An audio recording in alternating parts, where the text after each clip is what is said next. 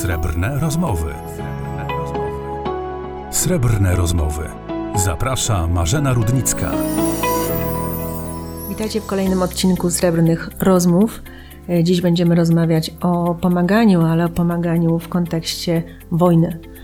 I są z nami młodzi ludzie, jest z nami doświadczony żołnierz, który na wojnie był.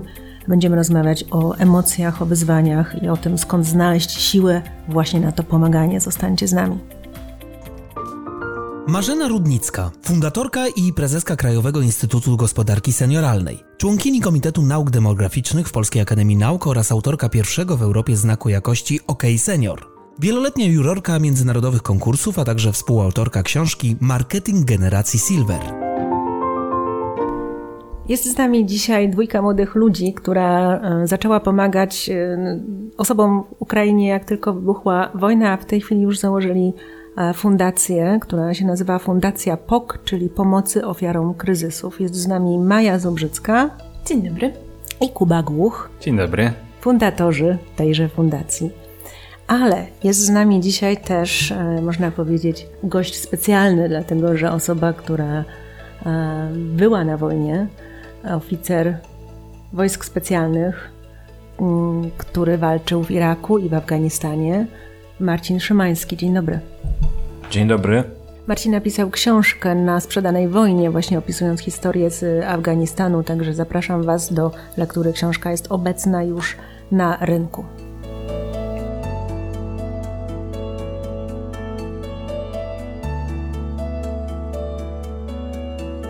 Maja, zaczynając od Ciebie, gdybyś powiedziała, jakie emocje Ci towarzyszą, kiedy pomagasz? Co czujesz?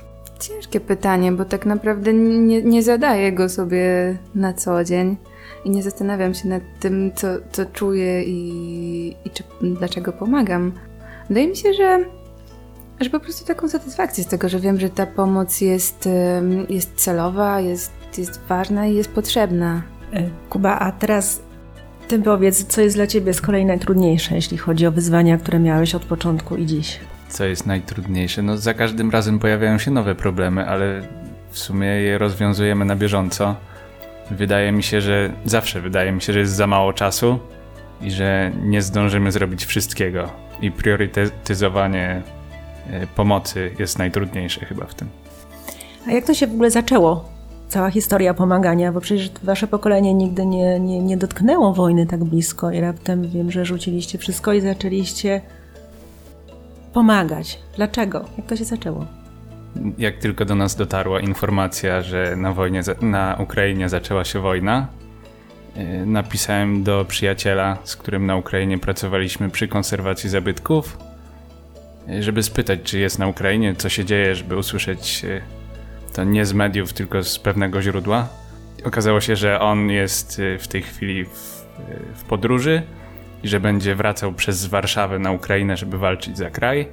I umówiliśmy się, że zbierzemy dla niego trochę medykamentów, ponieważ jest medykiem wojskowym. I tak się zaczęło. I to się rozkręciło dużo bardziej niż myśleliśmy. Maja, a gdybyś Ty mogła powiedzieć z kolei, jak z Twojej perspektywy to wyglądało, bo wiem, że już następnego dnia po tym kontakcie z tym Waszym przyjacielem, tak on ma na imię Jurko, że, że zetknęłaś się z taką realną wojną w rozumieniu, że Twoi bliscy, Wasi bliscy po prostu się znaleźli tam na froncie i co sobie wtedy myślałaś, że, że, że co powinnaś zrobić? Mm, No, mnie to uderzyło bardzo i pierwszy dzień był, był najtrudniejszym bo w czasie, w czasie trwania tej wojny. Tak naprawdę no, były dwa najtrudniejsze dni. Pierwszy był moment, w którym właśnie Jurko, którego wszyscy znamy dobrze i pracowaliśmy z nim, śmialiśmy się, piliśmy wódkę i, e, i spędził z nami w Warszawie dużo czasu, napisał, że kupił one-way ticket do domu. I to było takie zdanie, które, które utkwiło mi do dzisiaj, że on faktycznie jedzie ze swojej jakiejś tam, od, od swojej rodziny, ze swojej pracy, z jakiejś bezpiecznej przestrzeni, jedzie, jedzie na Ukrainę, gotowy za nią umrzeć. I to, to uczucie i to poświęcenie chłopaków, którzy walczą na froncie, towarzyszy mi, mi cały czas, bo wiem, że dzięki temu jest no, że to jest, warto jest im pomagać, bo oni naprawdę nie muszą tego robić, oni, oni chcą. Także potem, potem zaczęliśmy oczywiście, oczywiście działać, ruszyliśmy wszystkie siły, wszystkich znajomych, wszystkie możliwe kontakty służbowe i prywatne do tego, żeby pomóc Jurkowi zabrać jak najwięcej ze sobą. No i drugim najtrudniejszym momentem było to, to jak Jurko wyjeżdżał. Musieliśmy się z nim pożegnać. Bo jako tak młode pokolenie, kiedyś wojnę oglądaliście tylko w kinach czy na Netflixie, a, a tutaj raptem taki bliski, bliski kontakt z, tym, z tą tragedią.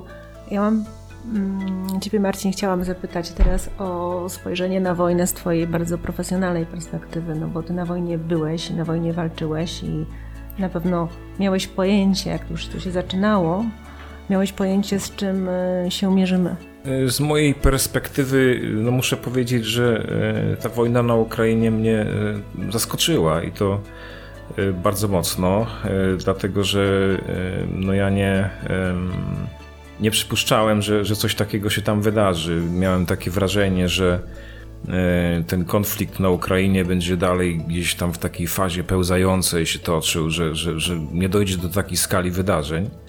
E, I rzeczywiście tutaj Maja już wspomniała, że ten pierwszy dzień był taki szokujący i dla mnie podobnie. Ja dobrze pamiętam, napisałem artykuł na blogu dosłownie 2-3 dni przed wybuchem tej wojny w takim tonie, że raczej nie sądzę, żeby się coś wielkiego wydarzyło, bo ci faceci E, Władimir, tam Ławrow i ta cała ekipa siedząca w Moskwie, oni jednak mimo wszystko są racjonalnymi aktorami. Ja miałem takie przynajmniej na ich temat wrażenie. Okazało się, że zrobili coś, co absolutnie w żaden sposób okazuje się nie jest racjonalne i, i byłem też rzeczywiście bardzo tym zaskoczony. Do, jakby do tego stopnia byłem zaskoczony, że, że jakby przez pierwsze tydzień czy dwa no, no, w zasadzie nie zajmowałem się niczym innym, tylko obserwowaniem tym, co tam się dzieje. E, śledziłem media, wyławiałem jakieś kanały z mediów społecznościowych, gdzie, gdzie pojawiały się jakieś niezależne e, relacje wideo czy zdjęcia i właściwie pierwsze dwa tygodnie tak pochłonęły mnie całkowicie. E, no i muszę tutaj przyznać, że skala absolutnie jest dla mnie zaskakująca. No ja rzeczywiście doświadczyłem wojny w swoim życiu i to muszę powiedzieć, że około dwóch lat spędziłem w takich rejonach objętych wojną, ale nigdy to nie było tak blisko, e, nigdy to nie, nie działo się w, w takim miejscu, które no wręcz też stwarzało jakąś atmosferę zagrożenia dla, dla moich bliskich, no bo chyba wszyscy pamiętamy, że pierwsze tygodnie czy dni były takie, że ludzie się w Polsce zastanawiali, co, co, co się wydarzy jeszcze i zacząłem takie pytania otrzymywać. Marcin, a, a w ogóle jak przygotować dom do, do, do takich sytuacji, jak się spakować na wyjazd, co mamy robić, czy, czy się coś w Polsce wydarzy, to ja miałem mnóstwo takich pytań od znajomych. I no muszę powiedzieć, że się nigdy nie spodziewałem, że, że będę musiał na tego typu pytania e, odpowiadać, więc, więc wiesz, z jednej strony wojna jakoś towarzyszy niestety mojemu życiu i, i, i znany jest mi powiedzmy poziom emocji, który, który, który można tam odnaleźć, ale, ale e, no jeszcze nigdy nie zapukała, że tak powiem, do, do drzwi do drzwi, do drzwi mojego domu czy domu moich sąsiadów, więc, więc no to dla mnie też było swego rodzaju zaskoczenie. A gdybyś miał powiedzieć o tym pomaganiu teraz, no bo z tej drugiej strony wiemy, że sprzęt wojskowy czy medyczny czy żywność są potrzebne, ale jakie jeszcze znaczenie ma ta pomoc, która dociera żołnierzowi, który jest na froncie? Wiesz co, no mam takie wrażenie y, zbudowane na, na, na bazie moich wizyt y, na Ukrainie, że, że tym ludziom po prostu potrzebna jest nasza obecność y, w takiej postaci, że się my tam po prostu pojawiamy, prawda? E, to, że tam docierają wagony, rzeczy i, i sprzęt i, i różna, różnego rodzaju pomoc, to jest jedna rzecz, natomiast dla nich jest ważne to, żeby po prostu ktoś przyjechał, fizycznie się tam pokazał, E, przybił z nimi piątkę przysłowiową i, i usiadł na chwilę przy stoliku e, i, i, po prostu pogadał, co u was, zapytał i oni, oni po prostu bardzo sobie to cenią. Więc, więc wydaje mi się, że to jest y, bardzo istotna kwestia. Natomiast no też odnoszę takie wrażenie, że e, oni zresztą podobnie jak my obawiają się jakby spadku zainteresowania tematem i, i zwłaszcza teraz, kiedy mamy już któryś tam tydzień, czy nawet trzeci miesiąc, chyba już dobiega końca tego konfliktu, y, no bardzo ważne jest to, żebyśmy im pokazywali, że, że jednak nie, że, że to nie jest tak, że my po prostu przejdziemy nad tym tematem do, do, do jakiejś normalności. Mm, ja mam teraz pytanie do Mai, ponieważ e, do Mai i Kuby. Mm, to, co powiedział Marcin, że trochę zaczynamy się niestety oswajać z tym, że trwa ten konflikt. Słyszałam takie mm, powiedzenie, że pomaganie to nie sprint, a maraton. I faktycznie, kiedy wszyscy rzucili się do pomocy na początku, to teraz się wydaje, że trochę zaczynamy oswajać się z tą sytuacją i zapominać o tym, że sytuacja tam wcale się nie zmieniła, a tak naprawdę w wielu rejonach jest coraz gorzej, czy w wielu miastach, czy miejscach. I jak z Waszej perspektywy, kiedy prowadzicie fundację i prowadzicie pomoc cały czas, czyli wchodzicie w fazę tego maratonu, czy również słabnie to zainteresowanie pomaganiem Wam jako fundacji? Mm. I tak, i nie, bo to pomaganie trochę, trochę się zmieniło i ewoluowało. Faktycznie pierwsze dwa tygodnie to był sprint i ten sprint był potrzebny i był konieczny, ponieważ wszystkie duże fundacje, które działają, takie jak, e, nie wiem, UNICEF, Caritas, one potrzebowały czasu na procedury, które, które po prostu czas zajmują. I pierwsze, pierwsze dwa, nawet trzy tygodnie to była pomoc, która płynęła od nas do ludzi, którzy nie mieli nic i nie mieli żadnej możliwości, żeby to pozyskać.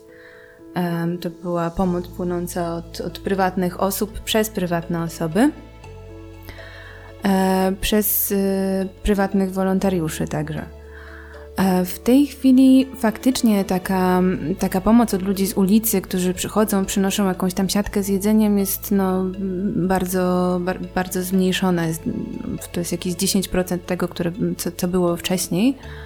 E, parę razy dziennie ktoś właśnie przychodzi, przynosi, pomaga, natomiast um, widzimy, że coraz więcej firm, coraz więcej dużych instytucji doszło do momentu, w którym, w, którym, w którym zdecydowali się pomagać, w którym wspierają długofalowo i z którymi możemy pracować na konkretnych projektach, bo też wcześniej ta pomoc była bardziej taka incydentalna. Tutaj e, paleta jedzenia tutaj, tira jedzenia tutaj, a w tym momencie skupiamy się na pomocy celowej, konkretnej, przemyślanej i do konkretnych odbiorców. Podaj przykłady Waszych działań. Co konkretnie robicie na przykład? E, nasze działania skupiają się tak naprawdę na trzech największych akcjach, jakie mamy. E, jedna to są e, wyprawki dla mam świeżo po porodzie do szpitali w miejscach, w których jest bardzo ograniczona bardzo ograniczony dostęp do, do, do sklepów, do jakiegokolwiek zaopatrzenia. Dostarczaliśmy takie paczki do Czernichowa w czasie, kiedy był jeszcze pod, y, osaczony przez wojska rosyjskie. E, w tej chwili dostarczamy takie paczki do Sum, pod, y, do Mikołajewa, pod Mariupol, do miejscowości Azow i do różnych trudno dostępnych miejsc, w które jeżdżą nasi wolontariusze. E, druga taka akcja jest e, też związana z tymi bardzo trudno dostępnymi miejscami i z tak zwaną pierwszą linią frontu są to apteczki IFAC, czyli Individual First Aid Kit, e, apteczki pierwszej pomocy osobistej dla żołnierzy. Pakujemy je i dostarczamy właśnie żołnierzom za pomocą Wojsk Obrony Terytorialnej i wolontaryjnych batalionów medycznych. I trzecia, ostatnia akcja, która jest w sumie chyba najszerzej i, i, najchętniej odbierana, jest to akcja paczek dla dzieci pełnych jedzenia i jednej zabawki. Kuba, gdybyś ty miał powiedzieć, co Twoim zdaniem czeka Was w najbliższej przyszłości, jakie y, wiem, zagrożenia albo słabe punkty widzisz w takim e, pomaganiu? Mówię o Waszej fundacji, ale też ogólnie o podobnych Wam e, podmiotach, które działają. Co będzie dla Was w najbliższym czasie największym wyzwaniem? No to myślę, że teraz jesteśmy w momencie takiej zmiany. Tak jak Maja powiedziała, na początku był ten sprint. Y, na początku, po pierwsze, my skupialiśmy się na tym, żeby dostarczać pomoc medyczną i wszystko w sumie, co udało się uzyskać, dysponowaliśmy w odpowiednie miejsca, bo organizacja na miejscu nie działała jeszcze dość dobrze. To teraz przechodzimy w tą fazę maratonu i z tego, co wcześniej się działo, czyli jak bazowaliśmy na małych darowiznach, które po prostu w wielkiej liczbie do nas trafiały i to segregowaliśmy i decydowaliśmy, gdzie to wysłać, to zmiana teraz polega na tym, że nawiązujemy stałe współpracę e, z podmiotami, które są w stanie finansować albo przekazywać e, bardziej stałe dostawy do naszego magazynu. Także my możemy w stały sposób zaopatrywać e, miejsca na Ukrainie, które tego potrzebują, jednocześnie dbając o to, żeby pomoc nie dublowała się na miejscu, żeby nic z tego się nie zmarnowało. Myślę, że ta e, dopracowanie tej precyzji jest teraz naszym wyzwaniem. To imponujące, że to jest tak zaplanowane, no jak taka, taka logistyka dostaw i, i że byliście w stanie to w tak krótkim czasie do tego momentu e, już dojść. Ja teraz, Marcin, mam pytanie do Ciebie, związane z trochę innym aspektem, czyli zostawmy trochę w tle kwestię właśnie techniczną dostaw. Mm, co nas czeka w najbliższym czasie, jeśli chodzi o takie morale Polaków w pomaganiu całej tej sytuacji, w całej tej sytuacji, czyli mam na myśli pomaganie tam w Ukrainie i pomaganie Ukraińcom będącym tutaj. Co Twoim zdaniem się będzie z nami dalej działo, czy my będziemy nadal w tej pomaganiu konsekwentni, czy będziemy słabli, czy czego możemy się spodziewać, bo, bo, bo pewnie szybko to się nie skończy i to, ta, potrzeba będzie rosła. E, no tutaj e, na usta mi się ciśnie słowo rezyliencja e, i obawiam się, że tej rezyliencji może zabraknąć i gdybyś zapytała mnie, co, co to znaczy dla mnie e, rezyliencja, to, to jakby postrzegam to jako zdolność do utrzymania ścieżki w kierunku jakiegoś celu, e, pomimo długofalowych trudności. I, i, braku pewności w ogóle dotarcia do celu. Więc, więc to jest dla mnie rezyliencja i wydaje mi się, że jeśli jakimś celem dla nas długofalowym była, e, było niesienie pomocy Ukraińcom po to, żeby no, po prostu odparli tą agresję, no to patrzę na to w ten sposób, że no z, tej, z tej ścieżki niestety wiele osób może zejść. E, I to jest spowodowane jakby właśnie brakiem tej rezyliencji, to jest spowodowane zmęczeniem, to jest spowodowane e, jakby pojawianiem się innych problemów. No mamy w kraju kryzys w tej chwili, prawda? Coraz wyższe ceny, pojawiają się różnego rodzaju problemy dla każdego z nas, które spowodują, że temat Ukrainy gdzieś tam po prostu odejdzie na drugi E, trzeci plan. I tutaj widzę też wielką rolę e, ludzi, no, takich jak ty chociażby, czyli influencerów, którzy, którzy będą temat podejmować, e, którzy będą temat promować, dyskutować. Trzeba, trzeba o tym po prostu mówić tyle, ile się da. Ja często też spotykam się z takimi pytaniami pod tytułem a czy właściwie w Lwowie to jest wojna? Ludzie zaczynają trochę bagatelizować wiele spraw. Y, ja zazwyczaj odpowiadam w ten sposób: słuchaj, to pojedź tam i pomieszkaj miesiąc. E, zobacz, jak się stoi pół dnia w kolejce po paliwo. E, zobacz, jak to jest, kiedy co drugą noc musisz gdzieś tam wyjechać do schronu, bo jest alarm. E, zobacz, jak to jest, kiedy twoje dzieci trzeci rok nie chodzą do szkoły i po prostu nie wiesz, kiedy one pójdą do tej szkoły. E, i zobacz, jak to jest żyć e, jakby bez świadomości, e, kiedy i czy w ogóle to się skończy. Więc, więc jakby, wiesz, no, mam, mam takie wrażenie, że ta, ta, ta, ta rezyliencja jako cecha, którą powinniśmy mieć, żeby doprowadzić do osiągnięcia celu, którym jest wsparcie Ukrainy w ich ścieżce do odparcia agresji rosyjskiej, to jest, to jest coś, czego może nam zabraknąć. I, no i widzę ogromną tutaj rolę w tej chwili mediów i, i ludzi, influencerów i po prostu wszelkich środków przekazu do tego, żeby utrzymywać świadomość, po prostu, tak bym to nazwał.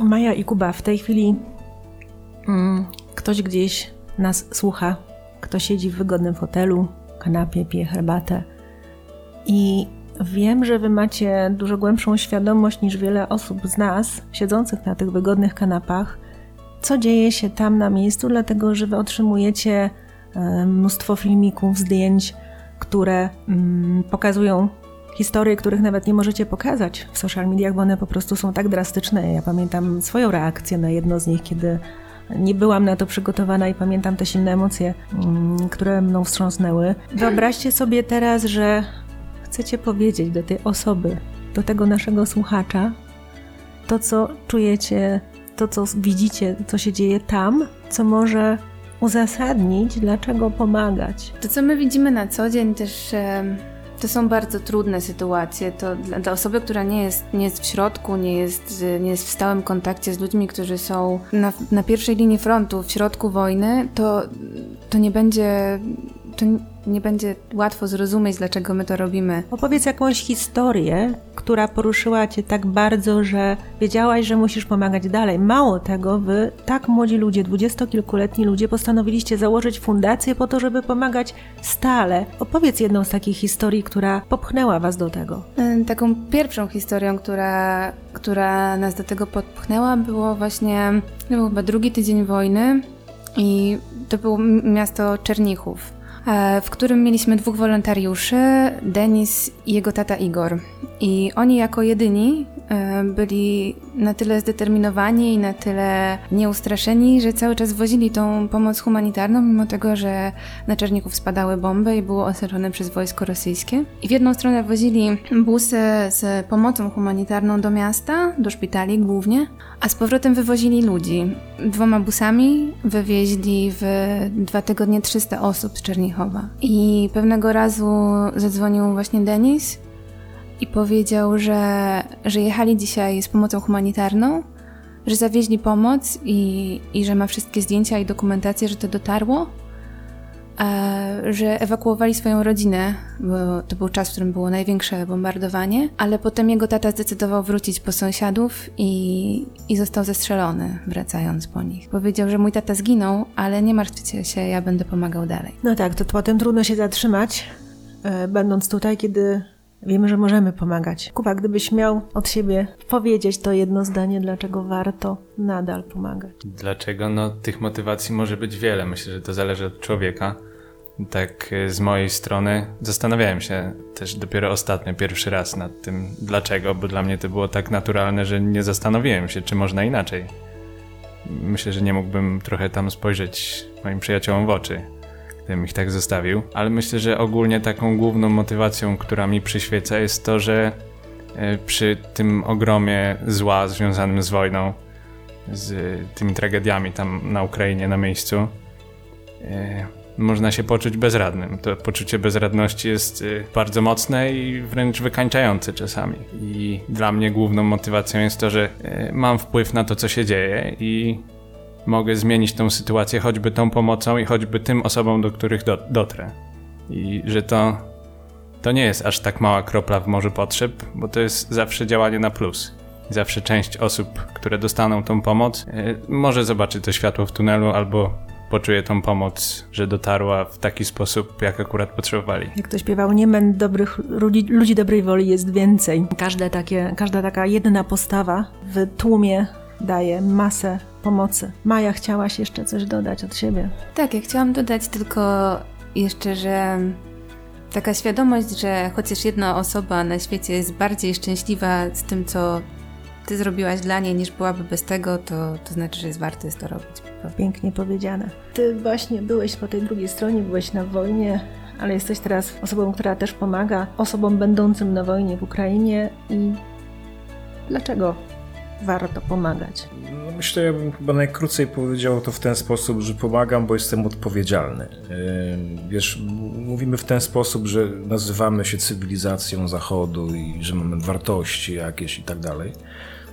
I uważam, że jedną z tych wartości jest odpowiedzialność, czyli, y, czyli wiesz, odpowiedzialność za los ludzi nie tylko jakby z mojego najbliższego otoczenia, ale, ale też tych, którzy E, no, którzy, którzy mieszkają gdzieś po prostu w takiej odległości od nas, że można tam dojechać samochodem w parę godzin, więc e, jeżeli dzieje się coś tak złego, e, dzieje, dzieje się taka katastrofa, dzieje się po prostu no, jakby tyle szkody w miejscu, do którego możemy dotrzeć i, i jakby możemy to zrobić, to nie wyobrażam sobie, żebyśmy po prostu tego nie robili.